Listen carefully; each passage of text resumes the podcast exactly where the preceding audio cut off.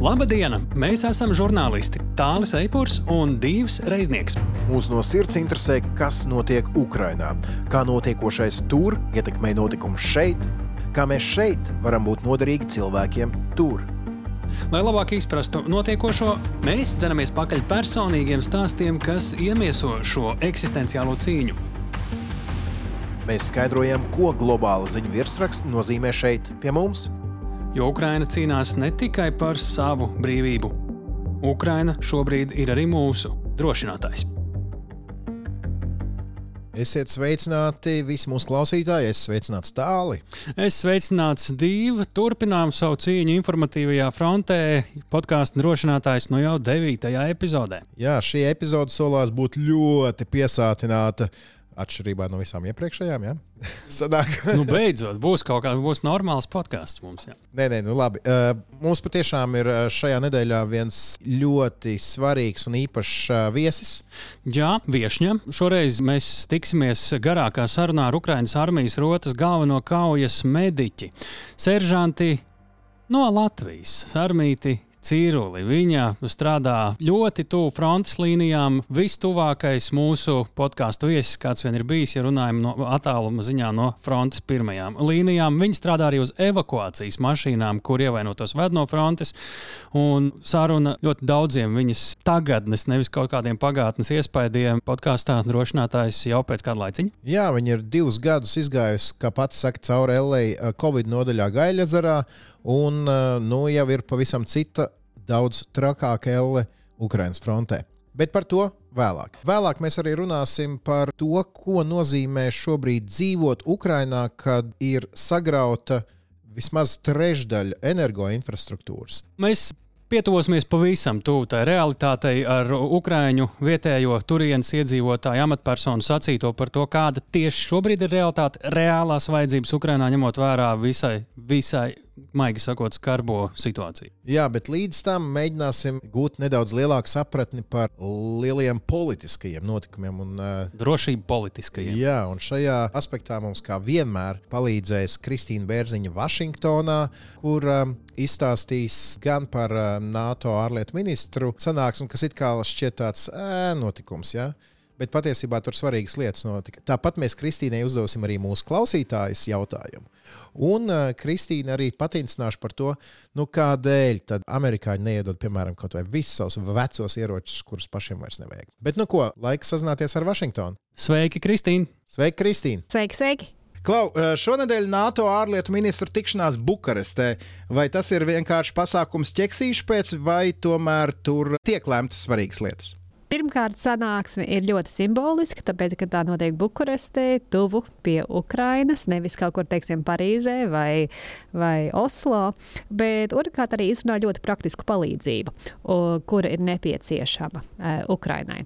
Un ir bijuši paziņojumi par to konkrēti elektrības uh, sektoram, enerģētikas sektoram palīdzību no vairākām dalību valstīm, tā skaitā ASV, 53 miljārdu dolāru vērtībā, jo skaidrs ir, ka tā būs viena no akūtākām problēmām šoziem, ka Ukrainai ir nepieciešams ātri atgūt elektrību, atgūt spēju, ūdeni piegādāt, siltumu piegādāt mājsaimniecībām, slimnīcām, skolām un tam līdzīgi.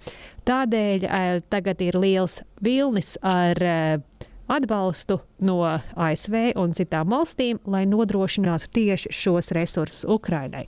Bet, protams, tas nav vienīgais. Un ir arī citas sarunas. Pirmkārt, ir jāatbalsta un jāuzklausa Ukrainas ārlietu ministru Kulēbu, kurš piedalās arī šajās sarunās, jo tā ir NATO ārlietu ministru tikšanās, bet tur piedalās arī topošās NATO valstis Zviedrija un Somija, bet arī Moldova, arī uh, Bosnija, Hercegovina piedalās uh, reģionālās citas valstis, kuras arī cer kādreiz pievienoties NATO, Grūzija tā skaitā. Tad uzklausa Ukraina kopā ar citām reģiona valstīm pārunā, ko darīt tālāk, praktiski spriež par nepieciešamo atbalstu un parāda to, ka tas, ka 2008. gadā NATO nolēma, ka Grūzija un Ukraina drīkstēs pievienoties NATO, ka tas nav bijis vienkārši tukšs lēmums, bet ka tagad, 2022. gadā, pat kara laikā, Ukraina un Grūzija piedalās NATO uh, tikšanās Bukarestē un turpina savu ceļu uz NATO dalību. Vai vismaz simboliski tā tam būtu jāizskatās. Viens ir tas, ko mēs dzirdējām publiski, pavisam kas cits ir neformālās sarunas. Kā tev šķiet, kas tiek teikts, kas tiek solīts, vai tieši otrādi netiek solīts privātās sarunās Ukrainai, Moldovai un varbūt arī citām kandidātu valstīm? Šādās publiskās, nu, nu, lielajās sarunās pie galda neviens viņām neteiks, nē, tieši iemesls, kāpēc sanāk kopā Bukarestē un uzaicināt arī šīs valstis, ir tāpēc, lai rādītu iespaidu, ka ceļš ir atvērts. Protams, sāktā sarunās var arī izskanēt citādāki viedokļi. Man nu, ne no kādas uh, valsts galvas, bet no ietekmīgām personām arī, piemēram, mācījā, e, ir izskanējis viedoklis, ka nē, tomēr Ukraina nebūs NATO, ka citādāk būs jānodrošina Ukraina Ukrainas turpmāko pēckara drošību un aizsardzību. Tātad viedokļi ir dažādi. Tas nav viennozīmīgi, ka pēc kara visas dalību valstis vēlētos, lai Ukraina pievienojās, bet oficiāli vēl tā pozīcija no 2008. gada, ka Ukraina drīkst pievienoties, tā vēl pastāv.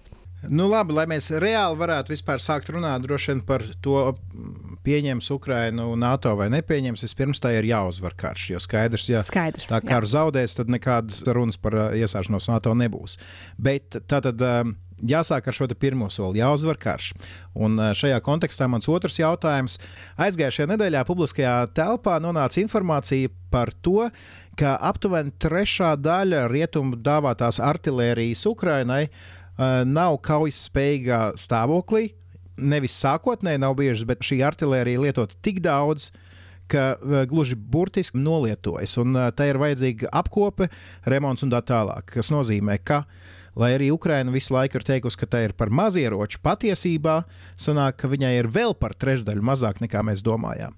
Mēs zinām, ka pāris mēnešus Polijā jau izrādās darbojoties uh, remonta bāze, kur šī artērija tiek remontēta. Bet vai, tu, vai tev ir kas sakāms šajā kontekstā. Ir ko teikt, un arī to var savilkt kopā ar iepriekšējo tematu. Jo tad, kad Ukrainas ārlietu ministrs Kuleba devās uz Bukaresti, lai piedalītos NATO sanāksmē, tad viņš izteica, ka viņam ir viena prioritāte - ieroči, ieroči, ieroči. Ieroči ir nepieciešami Ukrainai, bet ieroči ir arī nepieciešami NATO.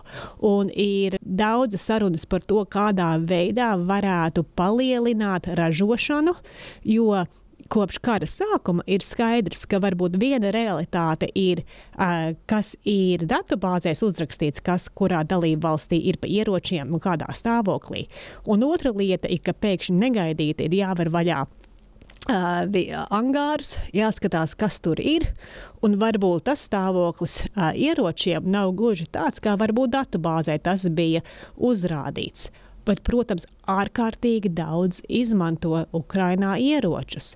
Izmanto nedēļā to, ko varētu saražot mēnesī.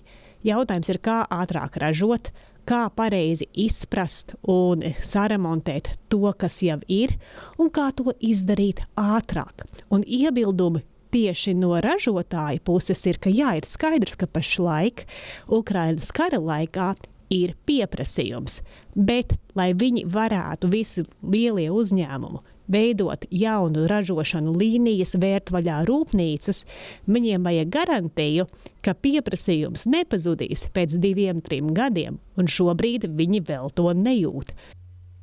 Klau, Kristīna, bet uh, tu runā šobrīd par jauniem ieročiem. Latvijā es esmu dzirdējis arī citu vietu pasaulē frustrāciju par to, Kāpēc, piemēram, amerikāņi neiedod nevis jaunos, bet savus vecos ieročus, kuri varbūt ir gandrīz jau norakstīti, stāv kaut kur tūkstošos, glabājas, nevienam viņi no Amerikā nav vajadzīgi. Nu, dodiet amerikāņi tiem ukrāņiem tos savus vecos ieročus. Kas šajā loģikā nav pareizi? Man jau tā loģika liekas ļoti pareiza. Es eh, par to neatbildu. Es jau labprāt. Man liekas, ka ir satraukums par to, cik ilgā laikā varēja sakara saražot pa jaunu. Ir skaidrs, ka savā ziņā 24. februāris bija pārsteigums ne tikai tādēļ, ka Krievija tiešām uzbruka, bet ka karš būtu ilgstošs. Man liekas, arī ir bailes, kas, kas notiks, ja mēs tiešām iztukšosim to, kas ir, un kas notiks, ja mēs nevaram jaunākās lietas saražot, ja mēs atdosim kādam citam. Tad varam secināt tā, ka tajā brīdī, kad ieroču ražotāji saņemtu kaut kādas garantijas par to, ka šī vajadzība pēc jauniem ieročiem būs nevis tikai turpmāko divu gadu jautājums, bet tālākā perspektīvā, tad varētu arī varbūt Ukraiņi tikt pie tiem nosacīt veciem ieročiem rietumu pasaules. Nu jā, bet pavisam cits arguments ir pie, iedot Ukraiņai vislabākos, ātrākos ieročus. Tagad karš varētu ātrāk beigties un nebūtu jādod to pašu daudzumu. Nu, tādēļ eh, saruna turpinās un vajadzības turpinās. Un, un eh, skaidrs, ka dotajā momentā tie ir nepieciešamāki gandrīz par ieročiem. Varbūt ir uh, transformatori un elektroinfrastruktūras aparatūra kaut kāda. Un varbūt, nu, protams, ar katru nedēļu uh, saruna attīstās un skaidrs, ka jo vairāk dos Ukrainai, jo labāk, jo īsāks karš tomēr paliks. Klau, trešais jautājums, un, un te man ir prieks beidzot iesaistīt mūsu klausītājus, jo mēs esam no paša sākuma aicinājuši drošinātājas klausītājus iesūtīt savus jautājumus, ja ir vēlme, lai Kristīna izskaidro kādas lietas. Un, Uh, jā, Ieva Petersona mums e-pastā drošinātājs Latvijas Rādio LV atrakstīja šādu jautājumu. Kristīna, kas notiek pasaules pārējos karstajos punktos, un vai pasaulē ir kaut kur tikpat nozīmīgs militārs konflikts, kas nav sasniedzis informatīvajā ziņā Latvijas iedzīvotāju apziņu? Tā kā šis karš ir tik tuvu mums, tad Latvijā pamatots uztraukums, bet kas notiek citur, viņa vaicā. Vienlaikus, kāpēc demokrātiskā pasaule tomēr par šo karu nemitīgi runā un tik daudz palīdz Ukrainai, un citos konfliktos nav dzirdēta tik masīva palīdzība? Ar ko ir atšķirīgs šis konflikts no citiem? Prasa Ieva Petersona. Paldies par jautājumu. Šis ir droši vien nozīmīgākais konflikts, aktīvais, karstais konflikts pašlaik pasaulē, arī skatoties uh, kritušo ziņā. Un tāpēc, ka tas tā ir konflikts starp divām valstīm, tad arī tam ģeopolitiskā telpā tiek piešķirta ļoti liela nozīme. Bet, ja skatās, tomēr turpinās arī citi konflikti, un bieži, ja pasaules uzmanība ir pievērsta vienam jautājumam, tad citi konflikti var turpināt attīstīties tādēļ, ka ir mazāk ugunsdzēsēju globālajā mērogā, kuri ir spējīgi pievērst uzmanību un izdzēst tās liesmas. Jāskatās, piemēram, ir to, varbūt, kas notiek Ziemeļkorejā. Jāskatās, vai Ziemeļkoreja tagad arī neturpina audzēt savus muskuļus, lai apdraudētu Ziemeļkluso okeāna reģionu. Tas ir kaut kas, kuram būtu jāpievērš arī uzmanība, jo tur ik pa brīdim izskatās, ka saistībā ar lieliem konfliktiem var turpināt izaugt tas konflikts. Ir jāpievērš uzmanību arī tādiem, eh, nu, protams, eh, bada stāvokļiem un reģionāliem konfliktiem, tāpēc, ka, ja mēs skatāmies pēc cilvēku ciešanas viedokļa, viedokļa. Ja, tie tas nav absolūtos skaitos, bet notiek eh, starpvalstu un iekšējie konflikti dažādās valstīs. Etiopijas, piemēram, apkārtnē Eritrijā, Ziemeļāfrikā tomēr turpinās ar konfliktu un klimatu pārmaiņām saistīti krīzes stāvokļi tur arī vajadzētu pievērst uzmanību. Bet tādā starp valstu lielajā līmenī šis šobrīd ir vislielākais konflikts. Šeit Latvijā skaidrs, ka mēs sekojam līdzi Ukraiņas notikumiem uh, ikdienu. Tāds sadzīviskā līmenī, tev, Kristīna, skatoties, nezinu, televizoru Amerikā, runājot ar cilvēkiem, cik viņu tajā informatīvajā telpā lielu lomu ieņem šis karš, kas notiek šobrīd Ukrajinā? Ukraiņas karš vēl joprojām notur cilvēku uzmanību.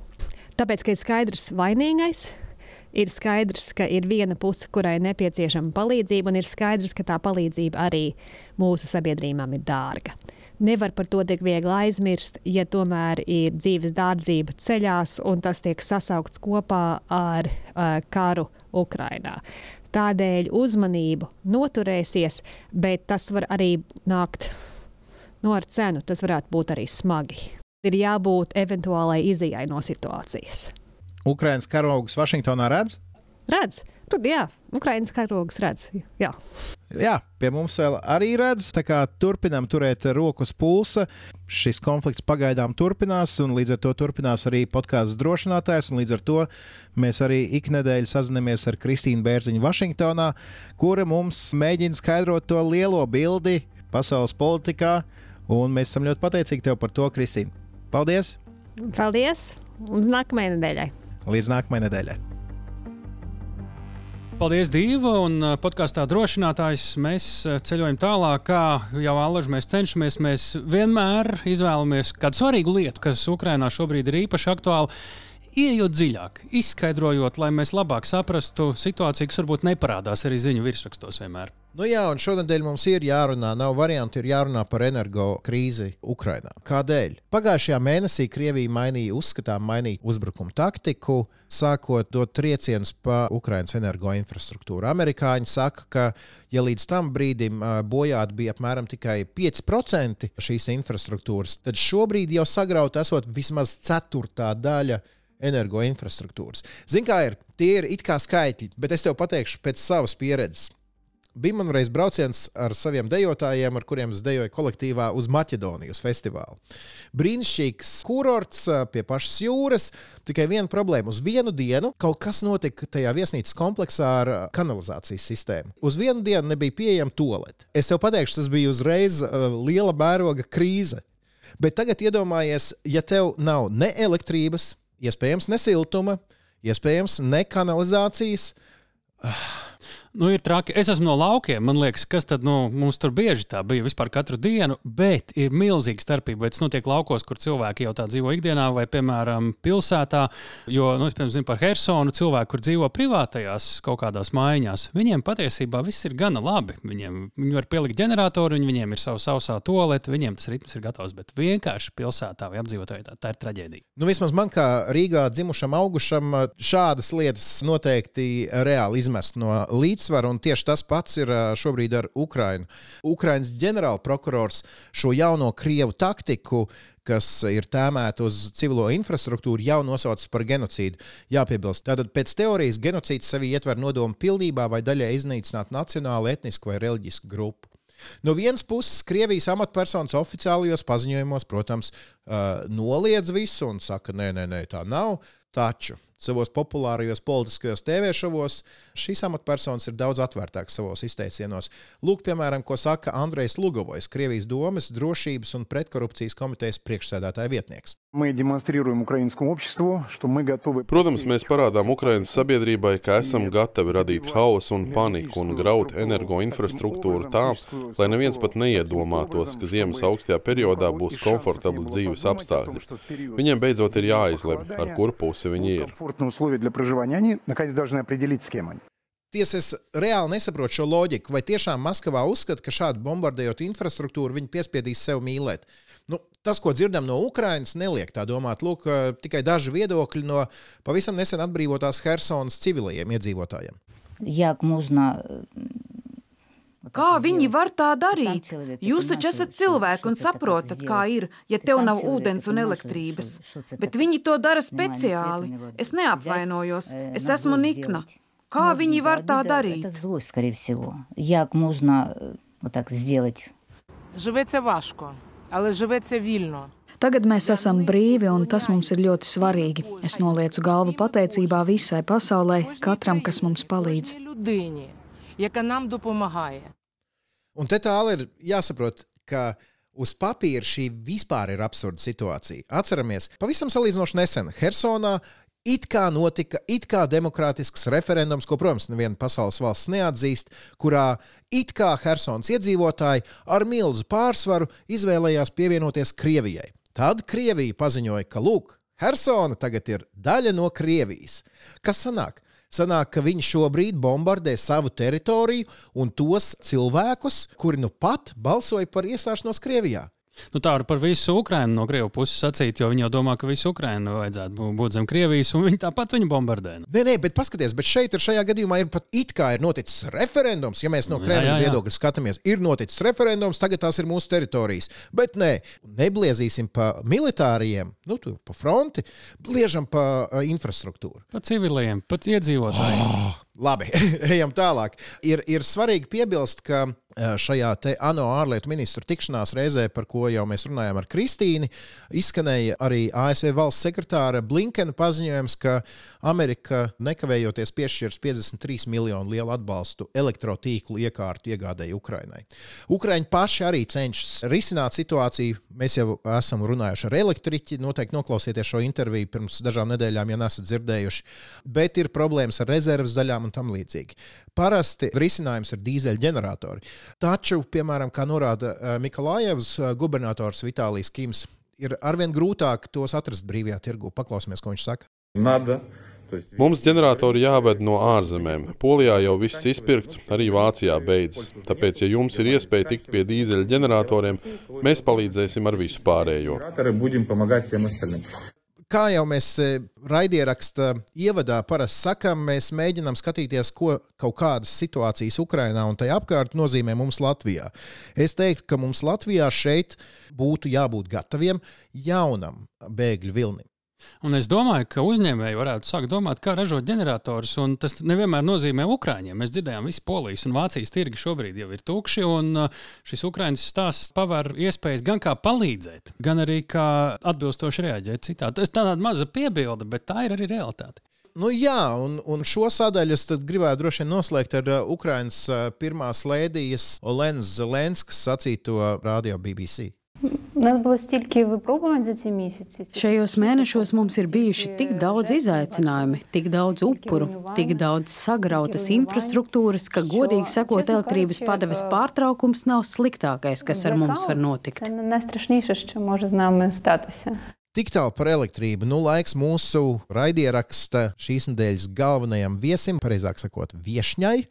Jā, tagad mēs dosimies uz vietu, kur eh, par elektrību var tikai sapņot, bet eh, dosimies uz turieni ar mūsu pašu no Latvijas uz Ukrajinu aizbraukušas mediķes acīm. Turklāt mediķis nevis kura ir kaut kur aizmugurē, kā brīvprātīgā, bet kura ir tiešām, kā jūs teicat, bez elektrības un visiem citiem labumiem esošās frontes līnijas pašā tuvumā.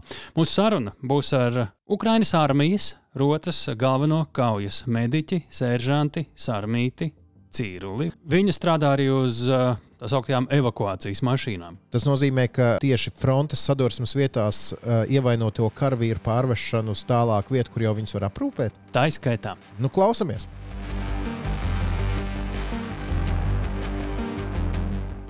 Labdien, Sarmīt! Jā, sveiki, sveiki. Jā. Sarmīt, Klau, nu, kāds ir tavs stāsts, kurš ir aizvedis līdz izvēlei par nokļūšanu Ukrajinā? Tu esi bijusi medmāsa ilgus gadus.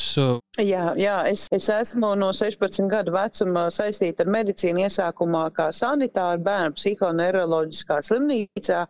Un tajā laikā es mācījos vakarmaiņu vidusskolā Rīgā, braucu no savas provinces uz Rīgu trīs stundas ar vilcienu šurpu turpu divas reizes nedēļā. Un, un vienkārši, lai sasniegtu to turpmāko dzīves mērķi, ko es izvēlējos savu dzīvi saistīt ar medicīnu. Un tad pabeidzu māsīņas, bet uh, Tas sāks vienkārši ir tas par to, ka es nāku no nu, kādu laukos, ja cilvēki daudz alkoholisms un, un arī strādīgi cilvēki, esmu padomu laika bērns. Vienmēr vēlējos sasniegt kaut ko vairāk, arī kā mazs bērns ar saviem sapņiem un domām. Un kā mazs bērns lasīju žurnāls, piemēram, zinātni un literatūru vai nu, kādu kaut kādu pētniecību žurnālu, kādu nu bija iespējami. Man interesēja arī ceļošana, skatījos uh, grāmatas, kā tur apkārt pasaulē ceļoja, un tāda interese bija, kas notiek ārpus uh, padomju savienības, ja, jo tad jau man nebija nekāda sapratne par to, ka Latvija bijusi neatkarīga. Un, nu, vēlāk tad medicīnā tad sāk strādāt uh, Rīgā kardioloģijā. Es jau biju arī misionāri un, protams, sapazinos ar cilvēkiem no dažādām pasaules valstīm un, un varēja pielietot medicīnu tur. Un jau 99. gadā pirmoreiz devos uz īriju, es biju izdevusi bērnu grāmatu un vajadzēja naudu atdot. Un uh, 25 gadi jā, sasniedzu īrijā pirmo reizi ārpus Latvijas kaut kur tik tālu. Strādāju par māsīņu pēc tam uh, vairāk kā desmit gadus. Esmu strādājusi apvienotā karalistē, tur gan bija tikai masīvs brīdis kā brīvprātīga žēlsirdība darīts tāds darbs Filipīnās, un vienbrīd strādāja arī uz kuģi, medical officer, kur vajadzēja attiecīgi mācīties, lai var strādāt uz, uz kuģiem, kā viņi arī saka, šips doktori.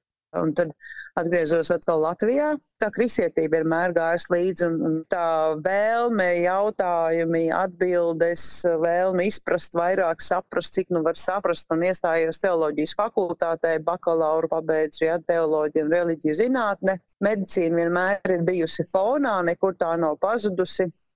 Bet tā kā vienmēr ir bijuši arī nu, saku, ceļojumi, vēsture, tad iestājos vēstures un filozofijas fakultātē maģistratūras programmā. Tagad visi darbiņi ir pabeigti, palicis tikai pats maģistra darbs, kas ir jāuzraksta.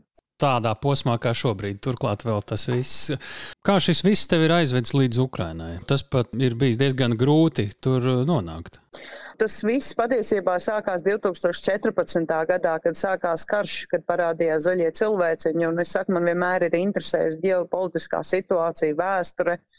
Un tad mūsu valdība bija citā nostājā, un arī viss tā ģeopolitiskā situācija arī uz Latvijas fona būtu daudz savādāk. Ja es arī saprotu, kāpēc nedrīkstējām palīdzēt, jo man jau tad bija vēlme palīdzēt, un, un es tajā brīdī strādāju uz kuģi. Un es atceros, kad uh, nošāva Malaysian Airlines. Uh, tad es domāju, nu, lūk, pasaule tad beidzot saņemsies, jā, un paskaties un pateiks Putinam, uh, ka tā nedrīkst, jā, un karš beigsies, bet nekas tāds nenotika.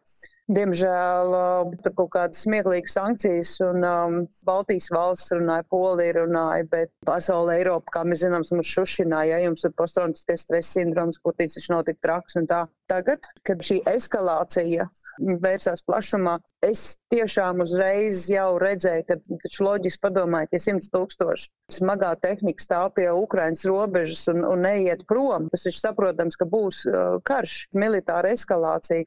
Jautājums bija tikai, uh, cik tālu. Un īpaši tad, kad uh, Doņetskas un Luhanskas um, reģioni tiek pieņemti Kremlī, ka tie pieder tagad Krievijai, nu, man vienīgā cerība bija, ka tas būs tās robežās.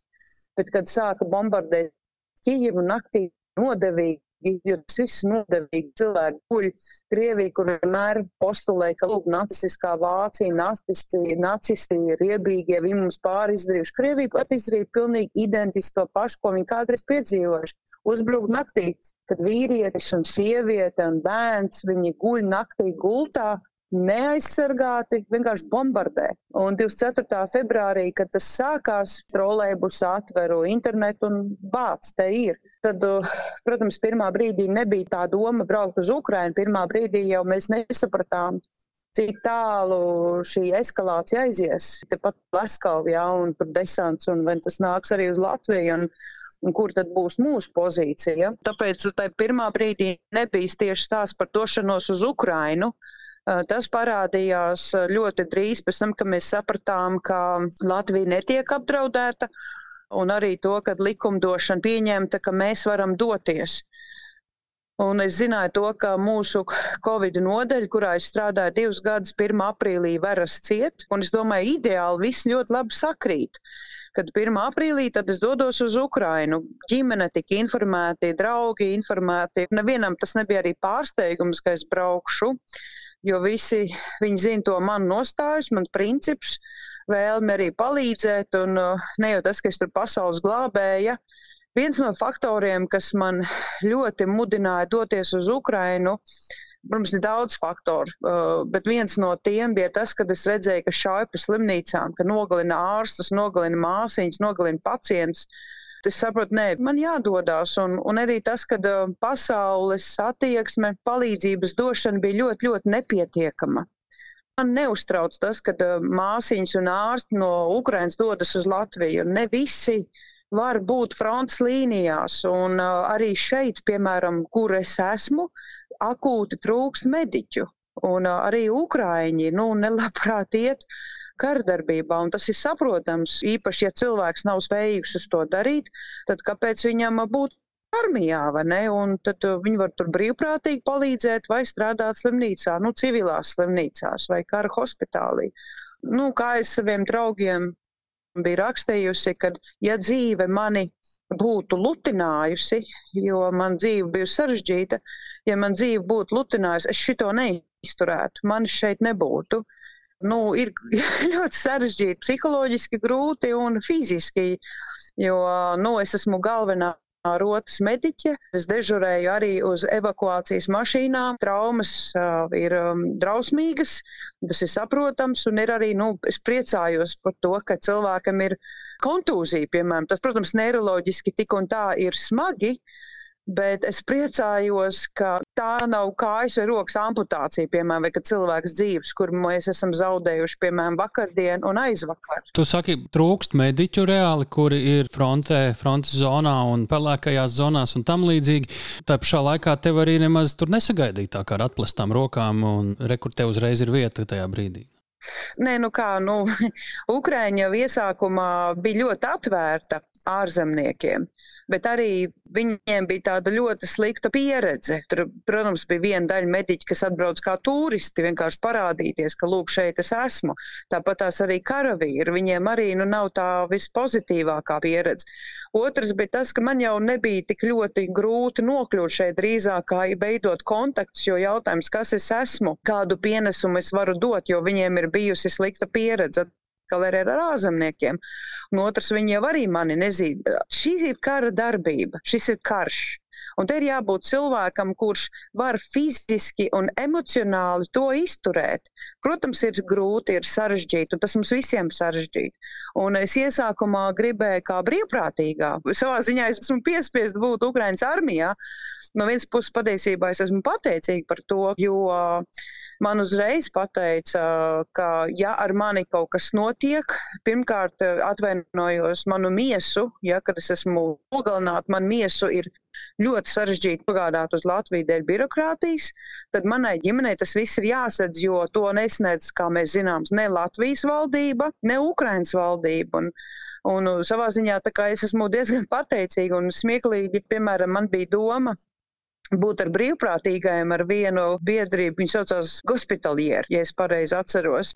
Mums bija, bija ļoti labas pārunas, ka es dodos, un pēkšņi tā bija vēl piekdiena, un pirmdien es saņēmu ēpastu, ka viņa ārzemnieks vairs nepieņem. Un es tagad ar viņiem kopā dežurēju.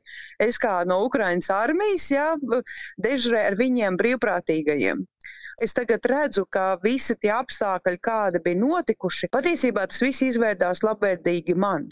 Protams, man bija nepieciešama pacietība un tas pareizais laiks, bet es eh, tiešām saprotu, ka tas, kur es esmu tagad un kādi apstākļi, tie ir tie pareizākie. Un, protams, cilvēki atsaka, un es saprotu, Arī man viena māsiņa kolēģe rakstīja, ka viņa, nu, viņa būtu ieinteresēta. Es saku, paklau, tev ir pieci bērni, tev ir mazbērni. Ja kaut kas notiek, jo tā ir ļoti liela atbildība aicināt sev. Tāpēc es arī saprotu, kāpēc man atteica arī nu, iesākumā latvieši, kas atrodas šeit. Bet tā ideja par tiem ārzemniekiem, ja jūs atceraties, kas bija Džons ja, no Anglijas, viens brīvprātīgais, kuru Krievija nolaupīja, pēc tam ka viņš it kā miris dabīgā nāvē, nu, no slimībām, bet patiesībā viņš tika spīdzināts un nogalināts. Un tad, kad hospitalieri, kad viņi to uzzina, tad, protams, viņi tāpēc man atteica. Ne jau tāpēc, ka viņi negribēja, bet vienkārši viņi baidās par manu drošību. Tie mīnusi beigās ir lielāki nekā ieguvumi beigās Ukrainai pašai, vai ne? Tieši tā, bet tagad nē, nu tagad jau visi ir ļoti priecīgi to, ka, nu, es šeit esmu un tā, bet, nu, Nu jā, ir ļoti, ļoti jādomā, vai tiešām cilvēks vēlas braukt uz Ukrajinu un, un nomirt. Jo nu, mēs, nu, es esmu vienā mājā, man ir divi ievainoti karavīri, es viņus izmeklēju, un man pāri pagalmam sprākst lādiņi. Tas, lai jūs saprastu. Un es stāvu, un es tagad nesaprotu ko man darīt, un tie karavīri skatās uz mani un es uz viņiem. Jo skriet ārā no mājas nav jēgas, jo mēs arī tomēr mājā ir drošāk. Un ja arī skrien ārā, neziņā uz kuru pusi skriet. Tāda ir tā situācija. Tas nav vienkārši es atbraucu kaut kur, jo arī es esmu drošā vietā, bet esot šajā drošā vietā, patiesībā es neesmu droša. Jo mēs zinām, ka Lādiņi lido tur 30 km, 40 km. Tanks šauj 4 km. Un tad, kad es uz evakuācijas mašīnas esmu pie frontes līnijas, mēs esam drošākā vietā kaut kur paslēpušies, bet arī tie lādiņi pie mums atlido un paramediķi aiziet bojā. Nu, pārsvarā paramediķi, tikai daži mēs esam, kas saka, profesionāli mediķi. Man ir iepriekšējie, kur es esmu savā rotā, trīs paramediķi nogalināti. Tirpras ir aizgājuši projām uz citām rotām vai ne rotām, bet uz nu, bataljoniem. Bet tāda ir tā situācija. Un es saprotu, ka es apzinos katru dienu, ka šī var būt mana pēdējā diena. Bet tas nebūtu nenozīmē, ka es nevēlos dzīvot. Es ļoti vēlos dzīvot. Kā tu teiktu, kāda ir tava saruna ar sevi bijusi pirms šīs izvēles, runājot par nāvi, par bailēm? Nu, mēs, piemēram, iepriekš runājām šajā pašā podkāstā ar Ukrāņu skolotāju, un viņi sacīja, ka man ir bailes, sāku smaidīt. Nu, es nezinu, man tas ir atkarīgs no tā, kā mēs skatāmies uz dzīvi. Man dzīve nav lutinājusi, un, un ir bijuši vairākas reizes, kad es esmu bijusi ļoti, arī ļoti, ļoti smagi slima. Ir bērnībā vairākas lietas notikušas, bez pārspīlējuma dzīvības un nāves jautājums. Un arī tas palīdz, ka nu, man ir svētā trīsvienība. No vienas puses, jau, protams, ka saka, katra kristieša sapnis ir debesīs, ja? bet uh, es zinu, tie darbi, kas vēl ir jāizdara, un tāpēc nu, es esmu šīs zemes, un, un, un es labprāt šeit esmu. Ir arī karavīri, mūsu puiši, kas tikko atgriežas no pozīcijām, un es skatos, ir nepieciešams laiks, lai viņi attiet. Bet viņi smējās, un, piemēram, vakar uh, viens no kolēģiem ja, aizgāja bojā un, protams, raud un smējās, bet ir tas, ka mēs esam runājuši vairāk un vairāk ar karavīriem, ar spāņiem, man te ir Babilonija, ar spāņiem, ar, ar portugāļiem, brazīļi, kolumbieši, amerikāņi, angļi, kanādieši, vācieši. Mēs varam raudāt, protams, bet tagad mēs dzīvojam, dzīve turpinās, un pēc tam mēs apraudāsim tos, kuri ir nogalināti, jo tagad nav laiks sērot. Mums ir jābūt gatavībā, mums ir jācīnās, mums ir jāstrādā, mums ir jādara pienākums. Saprot, mums nav laika sevi žēlot, mums nav laika žēlot šos apstākļus. Protams, mēs to varam. Man arī asaras, es atvainojos, birstreizēm, ja, bet es nevaru ļauties šai sērsirdībai. Es nezinu, kā lai to pasaka. Piemēram, es braucu uz dežūru, ir brīnišķīga saule, kolosāls rīts. Un es to arī nofilmēju. Un šoferis ir uzlicis fonā, piemēram, Lady in Red. Man asars birst. Es saprotu, ka es nevaru atļauties, jo um, tad, tad būs viss, tad es raudāšu, un man būs grūti. Un tāpēc es smaidu, un tā varbūt ir kaut kāda psiho aizsardzības mehānisms. es nezinu, vai vienkārši es pati tāda esmu par dzīvību. Jā, mēs smejamies. Klau, ir skaidrs, ka tu esi ļoti tuvu tai kara darbības zonai šobrīd ikdienā. Cik tuvu tam reālajām kaujas darbībām, sprādzieniem, bīstamajām situācijām tu esi. Tas, ko tu iepriekš teici par sprāgšanu turpat blakus, vai tas ir vienreizējs gadījums, vai tas faktiski notiek katru pārdienu? Uh, nu, tie sprādzieni, kas notika man blakus, tas nebija vienreizējs gadījums. Un uh, to, ka fonā dārdu un dun, tas man visu laiku ir. Ah, un pat tumsa vēl reizēm tas notiek, jo tā kā darbība jau notiek arī nakts laikā. Bet tie tuvākie sprādzieni, nu, tie notika pāris reizes, tāpēc, ka artilēristi ir pirms pilsētiņš šauj uz to pusi un krievi šauj atpakaļ uz viņiem, un tad pa vidu sanāk, ka, nu, ir cilvēki kaut kur gadās, vai ne? Bet, nu, tā tas notiek, jo, kā mēs zinām, Krievijas federācija šauj pa ciematiem un pa pilsētām. Un tad, kad es strādāju uz evakuācijas mašīnas, es esmu pavisam, pavisam tuvu pavisam tuvu. Nu, es nevaru teikt kilometros un tā, ja. Es pat nezinu, cik tuvu kilometros, ja to godīgi runā, bet es zinu, ka no pozīcijām atved pie manis desmit minūtēs. Un tad varat iedomāties, ka tas tomēr ir ļoti tuvu un, un ceļi tur ir briesmīgi. Tad mēs savācam pacientu atkarībā no kāda situācija, un tad viņi raujam uz slimnīcu. Neteikšu atkal cik kilometru, bet tas notiek ļoti ātri, jo tam ir jānotiek ātri. Un man, piemēram, ir uz evakuācijas mašīnas jāstrādā ļoti ātri. Visprimārākais, ko es varu izdarīt, ir intravenozais katetrs, salikt iekšā jau precēp līdzekļus.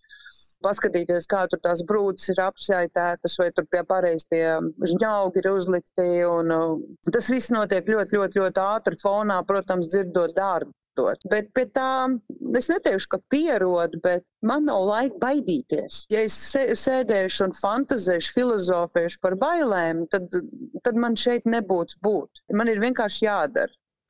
Es pieļauju, ka ir arī mediķi, kas šo klausās, ticu, ka tā ir. Kas ir tas, ko tu viņiem gribētu izstāstīt kolēģiem? Vai nu pirms došanās un izlemšanas doties uz kara zonām, kāda pieredze būtu noderīga sagatavojoties? Kas ir tavi secinājumi, kas noteikti ir tas, bez kā nevar un nedrīkst varbūt arī nonākt tur, kur tu šobrīd esi? Jā, nu, jāsaka, ka ir paldies visiem, kas ir palīdzējuši man izaugt līdz tādam līmenim, kādā es esmu šodien. Un tur ir liela pateicība arī maniem kolēģiem. Un savā ziņā ļoti liela pateicība arī tai mazai elītei, kurai es izgāju cauri Covid nodaļā. Principā gandrīz divus gadus strādājot. Un tas, starp citu, man sagatavoja arī šeit, jo tā psiholoģiskā noturība stresa apstākļos, kur ir vienkārši skrien, skrien, skrien, skrien, skrien lai var izturēt. Un arī tā nāvis klātbūtne, laikam, diemžēl. Jā, tikai atšķirība ir tā, ka šeit es ar šo puisi runāju. Piemēram, viens tur viņam vajadzēja roku pārsiet, jo viņš bija tur sastieps muskuli. Un pēc trijām, di... pēc trijām dienām viņa vairs nav um, kolēģiem saprast to, ka Nu, redz, te ir mans emocijas.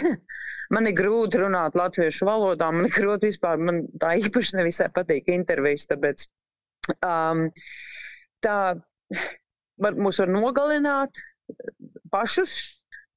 Tur ļoti jāizvērtē. Es neieteiktu braukt kā brīvprātīgiem. Vai nu, ja brauc kā, kā brīvprātīgie, tad strādā kara hospitāļos, kas ir tālu uh, no um, frontes līnijas. Ja ir tuvāk frontes līnijai, tad tomēr labāk būtu iestāties Ukraiņas armijā.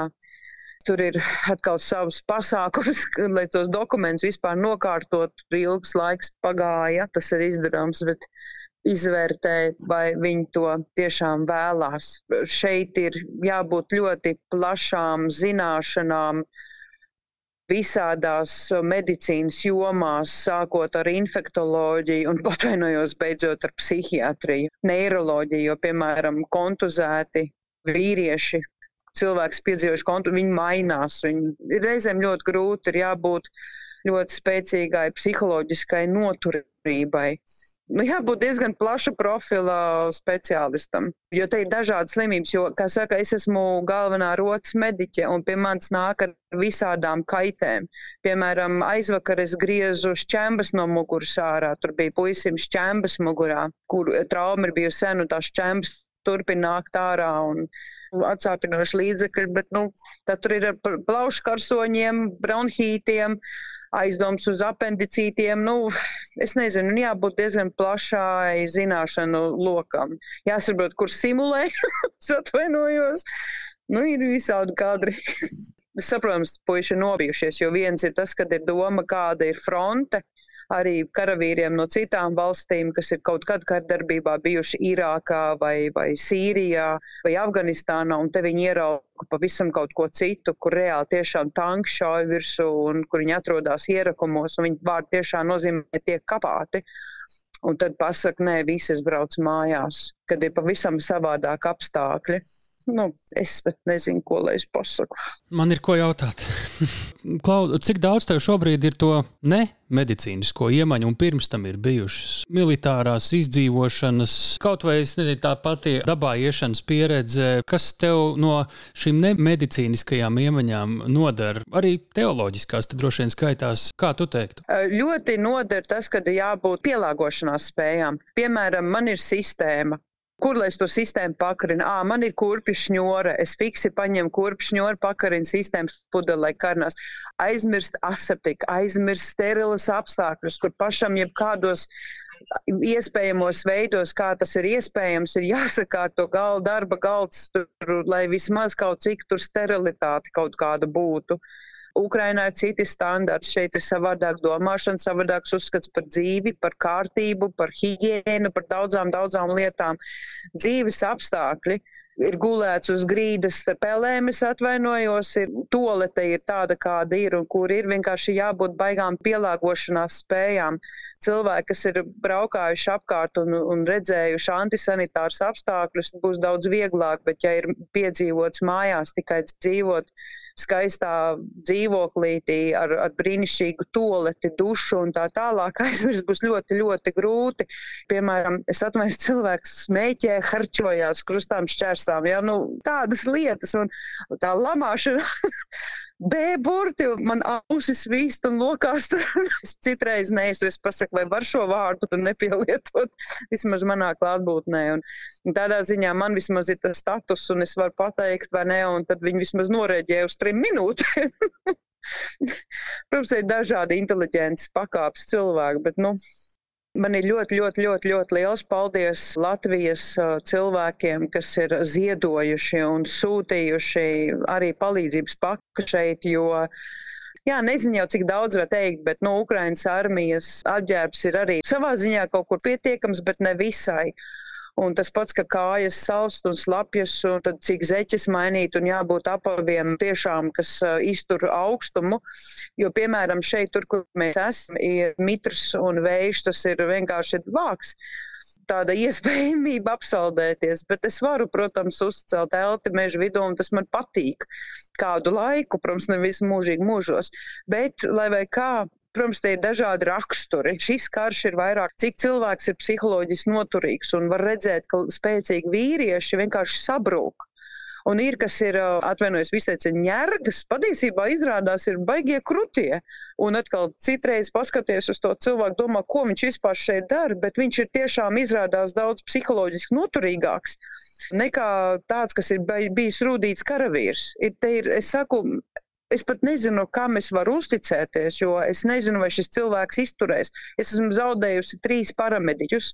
Brīnišķīgs paramediķis, kur psiholoģiski nav izturējuši, kur ir bijuši karavīri, kur ir bijuši arī citās operācijās. Vienkārši šī ir ļoti smaga operācija, tas, kas tagad notiek.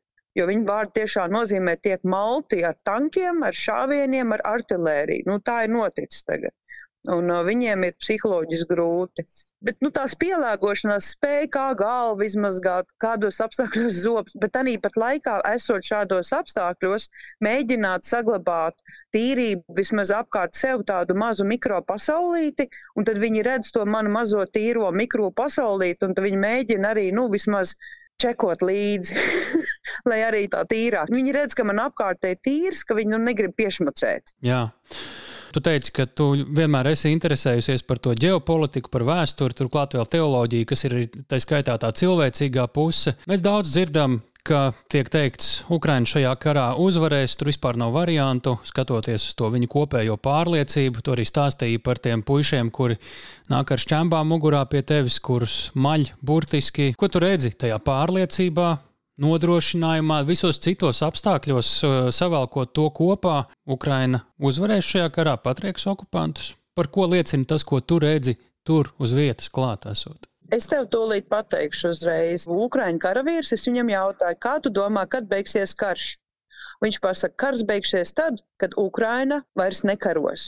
Tas nozīmē, ka Ukraina nebeigs karot. Tas nozīmē, ka Krievija to vien grib, lai Ukraina beidz karot. Ukraina neapstāsies, kamēr tās viņi neuzvarēs šo karu, un tur nav variantu. Te ir mājas, Piemēram, man ļoti nepatīk, kad saka, o, tur Donbass, jā, un tur Luhanska, ka tur prokrieviska teritorija. Ne viss reģions ir prokrievisks, ir arī pro-ukrainis. Vienkārši viņi ir tikuši spiesti, viņi ir uh, filtrācijas nometnēs bijuši likti. Piemēram, ir cilvēki, kas uzskata, ka varbūt Krīmu, Donbass un Luhansku, nu tad atdodiet Krievijai. Bet Donbasā un Luhanskā nav tikai prokrieviski dzīvojoši ukraiņi. Tur ir arī ukraiņi, kas ir par ukraiņu. Otrakārt, nevajag aizmirst, ka ukraiņi arī tāpat kā latvieši tika deportēti un tika ievesti iekšā cilvēki, no visās uh, padomju savienības. Un šie cilvēki, kas tur atrodas, Ukraiņu uzskatos, vienmēr ir bijuši okupanti. Un viena daļa, tāpēc arī viņi ir tie saucamie prokrieviskie, jo viņi nekad nav bijuši pie Ukrainas kopš 14. gada. Tur tik un tā ir bijušas skolas, kas ir bijušas pro-ukrainiski, kaut kādā veidā spējušas funkcionēt. Tur nav variantu, Ukraina nedrīkst neuzvarēt. Protams, viņu sapnis ir līdz 31. decembrim. Bet kurā gadā? Šī gadā. Bet um, vismaz šoreiz Ukraina redz, ka pasaule ir ar viņiem, lai gan ir bijis novēloti, bet pasaule ir ar viņiem. Sapcīt, ļoti pietrūks munīcijas, ļoti pietrūks munīcijas, bruņu tehnikas, lai varētu uzvarēt Krievijas federācijas armiju. Bet Ukraiņi ļoti labi informēti par valstīm, kuras viņiem palīdz, un ir ļoti, ļoti pateicīgi Latvijai, un ļoti uzmanīgi seko līdzi arī, cik procents no saviem IKP, piemēram, kura valsts ir visvairāk devusi un ka Latvija ir viena no tām. Viņi arī, starp citu, zina to, ka, piemēram, tur bija statistika 41% no Latvijas armijas krājumiem ir atdots uh, Ukrainai. Viņi pat man stāsta lietas, par kurām es nezināju, un es pēc tam paskatos, o, oh, jā, viņi tiešām ir. Un, un viņi ir ļoti pateicīgi arī par Twitter konvoju vai citām mašīnām, kas tiek sūtītas, jo tās mašīnas vienkārši tiek apēstas, kā saka, jo ceļi ir drausmīgi un mašīnas ir 4x4, piemēram, ir, nu, lai izbrauktu uz dubļus. Te ir ļoti daudz dubļu, visapkārt vienos dubļos. Asfalts pat pārvērties dubļos, taču ceļi arī tiek sadragāti. Cik daudz es varētu jautāt, bet es iepriekšējiem runātājiem vaicāju, ko viņam novēlēt, ko tev novēlēt. Man vajag novēlēt, lai es veseli atgriežos mājās, fiziski un emocionāli. Vesela. Es apzinos to, ka man noteikti būs tur posttraumatiskais. Es to tiešām apzinos. Man bija plānots līdz februārim, pēc tam paskatīšos, vai palikt ilgāk, jo man ir jāpaveic maģistra darbs. Vai, ja es palieku ilgāk, tad pēc tam noteikti septembrī mācīties. Un, à, lai es nenodaru pāri sev. jo man ir tā tendence iet līdz galam, pāri maniem spēkiem, un tad es sabrūku.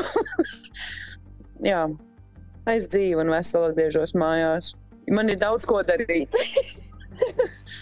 Nu, man jāsaka, ļoti liels paldies. Ir, es novēlu tieši to, ko tu pats jau novēlēji. Un, uh, es ļoti ceru, ka šis arī ļoti vērtīgi klausītājiem. Paldies! Tev. Paldies, paldies tev, tev paldies!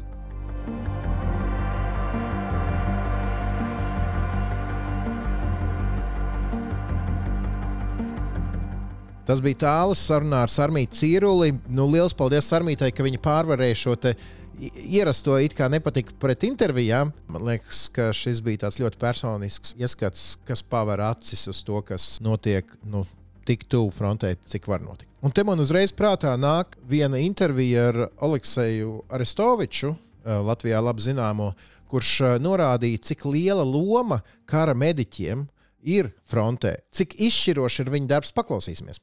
У нас соотношение убитых и раненых 1 к 7. Mums nogalināto un ievainoto attiecība ir aptuveni 1 pret 7. Tas ir pateicoties tam, ka mūsu kara medicīna ir ļoti augstā līmenī. Bet viņiem šī attiecība ir 1 pret 1, 1 pret 2, pat ne 1 pret 3, kas ir tāds nosacītais standarts. Tāpēc, ka viņiem ir drausmīga kara medicīnas sistēma, evakuācijas sistēma, un kopumā viņi par saviem ievainotajiem īpaši nerūpējas. Mums 96% ievainoto atgriežas ierindā, bet viņiem aptuveni 70%. 97% ievainoto neatgriežas. А у них безвозвратная мама дорогая. 77, ну или там около того. Un tagad mēs zinām, ka vismaz daļa no šīs dramatiskās atšķirības Krievijas un Ukrāņu pusē, daļa ieguldījuma ir arī vienai latviešu mediķei Sarmītai. Paldies, Lielas Sarmītei. Es zinu, ka viņš šo arī klausās. Paldies tev, Sarmīte, par šo sarunu. Es zinu, ka šādām sarunām kaut kādā ziņā ir tāds nu, drusciņš grēksūdzes vai terapeitisks efekts. Es ceru, ka tu nedusmojies par to versiju, kādu mēs esam palaiduši šobrīd gaisā. Bet, uh, klausītāji, jums arī uh, ir daudz vēl plašākas iespējas saprast to, kāda ir realitāte tieši Sarmītas un vispār kara mediķu realitāte šobrīd Ukraiņas frontē, jo portālā LSMLV pēc šī podkāstu epizodes iznākšanas arī būs būs aplūkojums pašas armītes mums atsūtītās bildes gan ar šķembu trāpītām bruņu vestēm, kas reāli ir izglābušas dzīvību, gan arī ar tām šķembām, kas ir izņemtas no karavīriem, gan ar evakuācijas auto, kuras armīte pati strādā ar to interjeru. Tā izskaitā arī ar peļu nedarbiem frontē, jo ir arī tāda ikdiena. Jauns Armīte arī pēc intervijas joprojām turpina šad ar mums sazināties, atraksta, kā viņai klājas, kādi piedzīvojumi un pārdzīvojumi. Nu, lūk, viens citāts. Pēc pagājušā vakara kārtējiem sprādzieniem pat nodomāju, nezinu, būšu vēl dzīva. Varētu vismaz draugiem pateikt, lai noklausās jauno epizodi. Nu, tad arī mēs eh, palūdzām Sarmītē arī atsūtīt eh, vēl šo to kā papildinājumu, jo tā saruna turpinās un tie stāsti nāk. Un eh, viena no lietām ir viņas pašas un arī viņas vienības karavīru ierakstītie audio par to, ko mēs sarunas laikā nedzirdējām, bet ko viņi savukārt dzird sev apkārt katru dienu.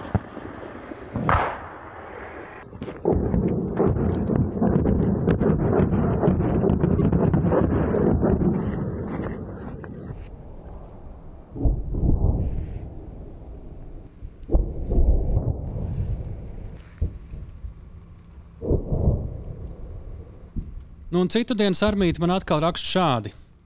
Es citēšu atkal karavīri, kas ir idioti. Ir salikuši bildes tīklos, un tikko no krieviem dabūjām divas raķetes. Sasodīts, mēs te dzīvojam.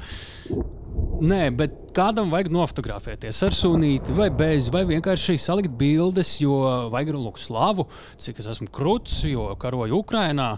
Un tas faktiski bija laika jautājums. Artērijas lādiņus esam saņēmuši arī pirms tam, bet šis bija pārāk aizdomīgi un pārāk precīzi. Esmu pikta. Un vēl viens citāts nobeigumā. Diennakts nodežurēta, ilgu laiku stāvēju ailēs, durvju ailēs, acīm redzot. Visi bēgām no ēkas, kur mūsu uh, atpūtas un gaidīšanas punktiņš liek teikt, ka, lai arī tas ir smacīgs, puses sabiris un augsts, bet, ja nepārtraukti kurina krāsni un ir uzvilktas siltas drēbes, tad ir paciešami. Tanki šaudījās. Stāvēju šķūnī, klausījos dārdoņā, saraustīt lūdzu svēto trīsvienību un sapratu, ka esmu ķezā, vēlos dzīvot. Biju nobijusies, nobija pāris asaras, tad nomierinājos, bija vairāki uzliesmojumi. Netālu no mums uz krievu pozīcijām šāva artilēristi. Guļamais stāri palika iepakots telefonā. Kad bija droši, tad istabā uz dīvāna veidīgas mēbeles mēģināja atpūsties un pat pussēdus pozā ar visu ķiveri, bruņu vesti un ik pa laikam zālvēm paspēju iemigt. No rīta atkal būšu savā bāzē, tik tālumā vēl ir dzirdama dunoņa, tā citādi grāms rīts. Uh, ja jums šķiet, ka Šo būtu svarīgi dzirdēt arī jūsu draugiem, radiem paziņām. Nu, padalieties vai nu no ar šo podkāstu, vai no nu LSM rakstu, kur arī būs klāt pievienoti foto, video materiāli. Stāstiet draugiem par šo interviju, par mūsu iepriekšējām sarunām par podkāstu drošinātājs. Un, protams, rakstiet arī mums e-pasta adresi drošinātājs Latvijas Rādio LV. Vai, piemēram, ja Twitterī kaut ko rakstat, lieciet hashtag drošinātājs, lai mēs to redzam un varam ņemt vērā gatavojot mūsu nākamos raidierakstus. Jā, es tiešām gribu teikt ļoti lielu paldies. Klausītāju ierosinājumiem mēs tos ņemam vērā. Kaut vai meklējot cilvēkus, ar ko runāt, ar kuriem sarunājamies savā intervijās un uzdodot viņiem savus jautājumus. Jūs esat mums svarīgi. Paldies jums! Un uh, atvedamies mēs ar to, ko ikdienā dzird mūsu šīs nedēļas galvenā varone, viesņa Sarmīta Cīrula. Un vispārējie, kur šobrīd ir frontē Ukrainā.